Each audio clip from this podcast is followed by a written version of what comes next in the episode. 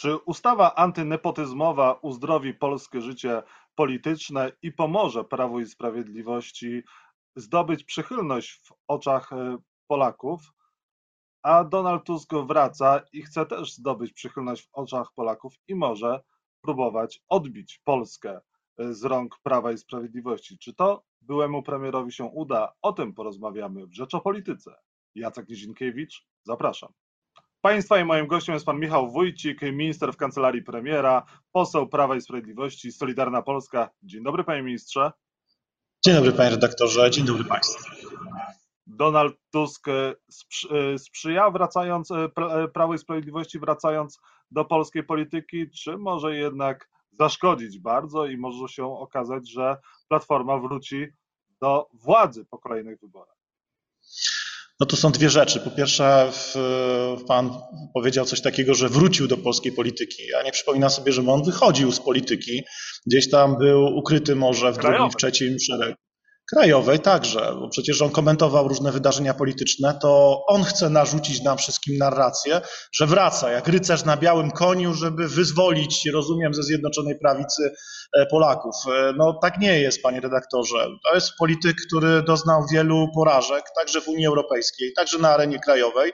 On chce, żeby właśnie taką narrację stosować, że wrócił nigdzie nie wrócił, bo nigdzie nie, nie, nie, nie wyjeżdżał stąd. był ciągle w polityce polskiej. Niewiele zrobił niestety dla Polski. Bardzo ubolewam z tego powodu. To jest pierwsza rzecz. A druga, no, Donald Tusk łączy Zjednoczoną Prawicę. No, co tu dużo mówić, panie redaktorze. No, nikt bardziej nie łączy nas niż, niż on. E, mocno polaryzuje scenę polityczną. Miałem okazję wsłuchać się w tę rozmowę pana z e, Szymonem Hołownią.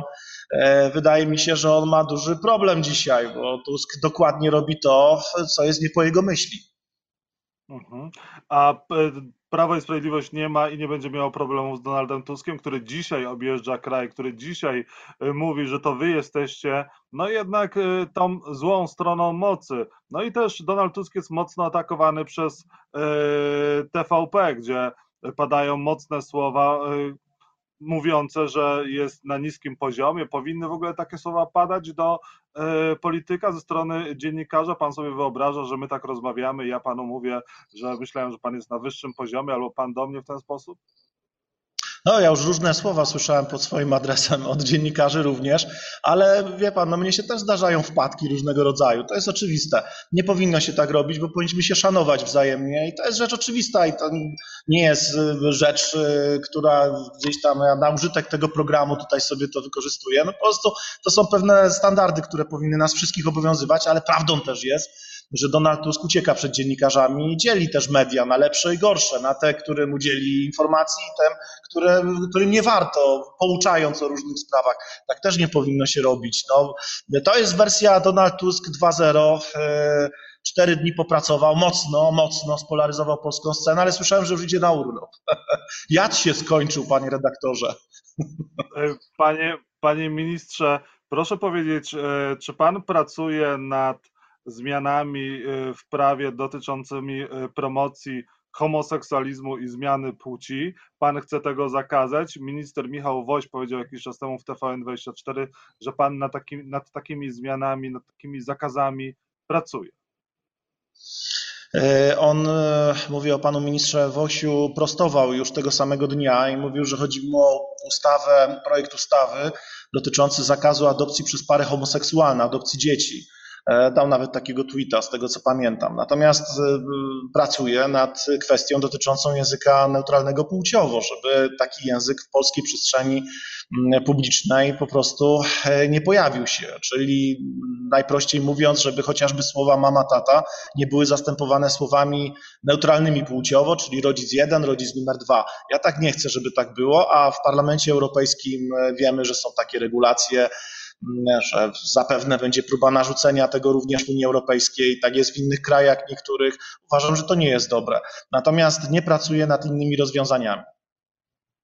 E, panie ministrze, e, ustawa antynepotyzmowa jest Polsce potrzebna?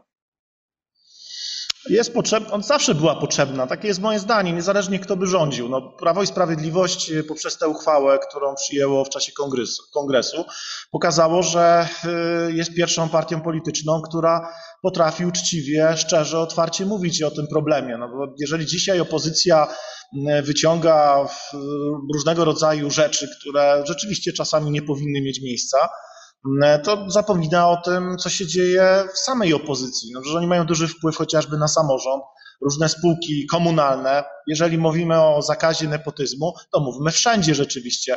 E, jeżeli dzisiaj lewica mówi o tym, że o nepotyzmie, no to zapominają, co było w ich czasach. Niestety to jest problem każdej partii politycznej, która jest przy władzy, każdej. Prawo i Sprawiedliwość jako pierwsze zdecydowało się taką uchwałę przyjąć. Kierunkowo uważam, że to jest dobre, aczkolwiek powiem jedną rzecz. Klucz do wszystkiego to są kompetencje, zawsze. Bo jeżeli by tak nie było, to do siebie tutaj w departamentach czy w resorcie sprawiedliwości, jak byłem, przyjmowałbym ludzi, pytając ich o poglądy, o światopoglądy, o różnego rodzaju inne rzeczy, a nigdy takiego pytania nie daję. Mnie interesują kompetencje osoby, czy jest dobra osoba, czy nie. Czyli co, kompetentni powinni zostać, niekompetentni y, znajomi i przyjaciele rodziny królika powinni odejść. Kompetentne osoby zawsze, kompetentne zawsze, panie redaktorze, bo mm, e, ja uważam, że to jest klucz do zrozumienia wszystkiego. Wiedza, kompetencje, wyniki, te trzy elementy. No, tylko z tego powodu, że nie ktoś jest e, żoną znanego polityka, czy mężem e, osoby, która jest w polityce, kobiety, która jest w polityce, nie oznacza, że, że taka osoba nie powinna zasiadać na jakichś ważnych stanowiskach. No to, to wtedy byśmy wpadli w jakieś szaleństwo. Tak mi się wydaje. Mhm. A minister e, Sasin będzie weryfikował, kto jest kompetentny? Będzie jakieś gremium, które będzie weryfikować, kto zostaje, kto jest i, i a kto powinien odejść? I jeszcze jedna rzecz.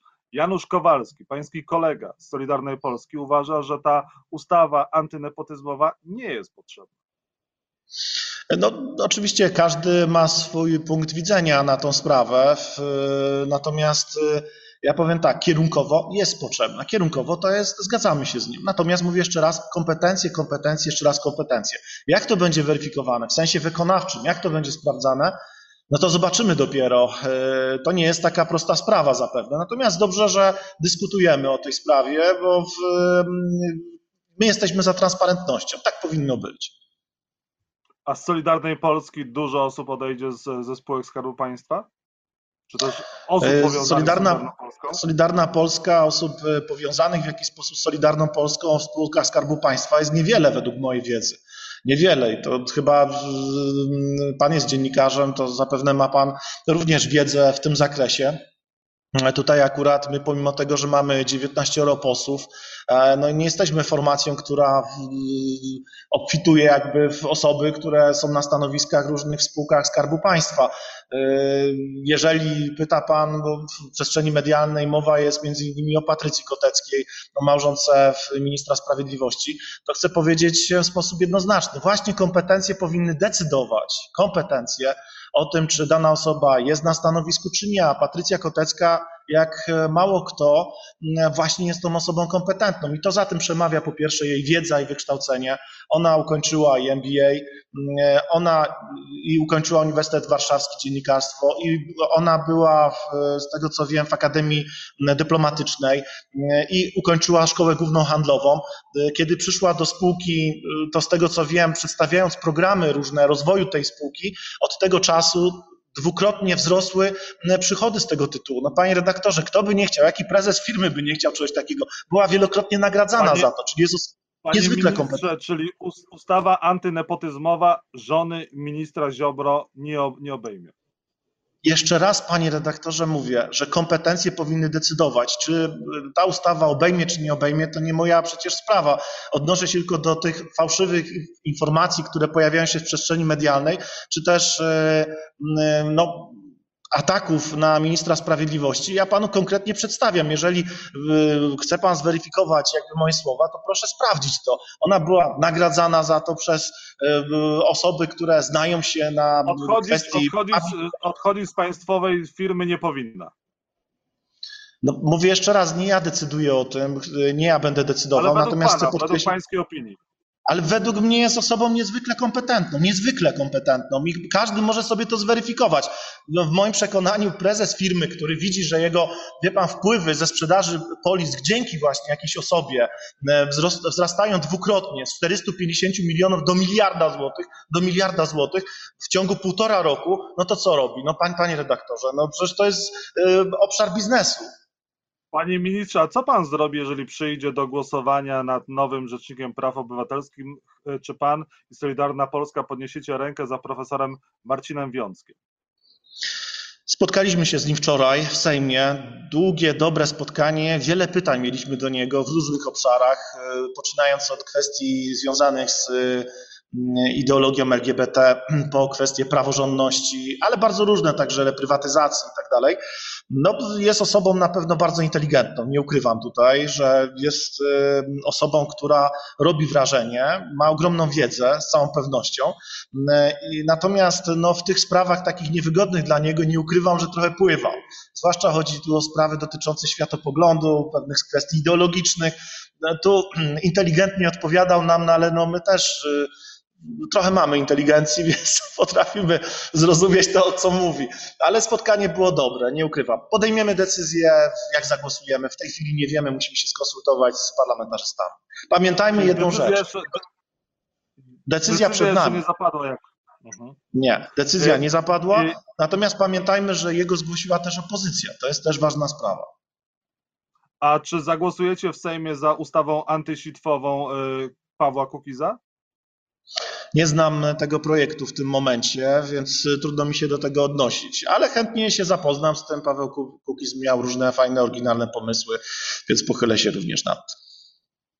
Czy Sławomir Nowak może pogrążyć Donalda Tuska? Jaki jest pański stan wiedzy? Bo Zbigniew Ziobro tak przedstawia tę sprawę, jakby tutaj mogło być coś powiązane. I pytanie, czy też władza ma dostęp do naszych, nie wiem, kont yy, na, na komunikatorach typu WhatsApp, Signal, bo o tym też mówił Zbigniew Ziobro, że do tych komunikatorów e, jest dostęp. Ja to czytałem trochę inaczej te słowa pana ministra Ziobro. Rozumiałem udzielone wczoraj w czasie wywiadu wieczornego w jednym z mediów. E, otóż tak. No, może mieć oczywiście nie władza, tylko prokuratura, jeżeli już, panie redaktorze, prowadząc jakieś postępowanie, no przecież może sprawdzić, e, zweryfikować pewne, pewne sprawy. I to jest rzecz oczywista. No, nie wyobrażam sobie, żeby władza jako taka miała dostęp do komunikatorów jakichś, bo i tak nie jest. Natomiast jeżeli chodzi o prokuraturę i konkretne postępowania, no to wtedy oczywiście, że można wystąpić o zgodę taką do sądu.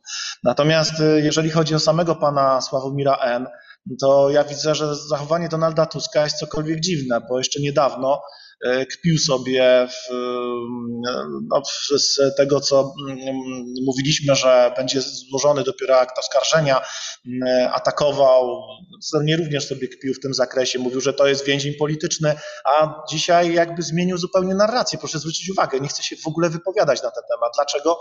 Nie wiem w tym momencie, natomiast wsłuchiwałem się w ten wywiad e, tak samo pewnie jak i pan ministra Zbigniewa Ziobro, który powiedział, że ujawnione zostaną ciekawe rzeczy. No to nie wiem, co tam jest, e, nie mam takiej wiedzy, e, ale z chęcią poczekam.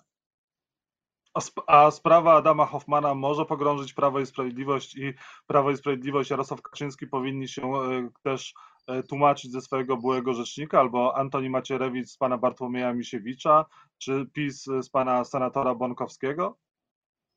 E, panie redaktorze, ja nie mam wiedzy, jeszcze raz mówię, e, jakie materiały prokurator generalny chce ujawnić czy ujawni. Ja tego, wie pan, trudno mi powiedzieć. Natomiast na pewno jest jedna rzecz, która jest kluczowa w tym wszystkim. Jest jedna rzecz, która powinna nas wszystkich łączyć. I Donald Tusk jako polityk z ogromnym doświadczeniem, powinien to również wiedzieć, że sprawa korupcji to jest sprawa, którą trzeba wypalać gorącym żelazem. Trzeba wypalać. Absolutnie na to zgody nie powinno być, bo to jest okradanie swojego państwa i nas wszystkich. I tu musimy postawić kropkę, bo inaczej mnie wypalą z tego programu, musimy kończyć. Michał Wójcik był Państwa i moim gościem. Bardzo dziękuję za rozmowę. Dobrego dnia i udanych wakacji. Do widzenia.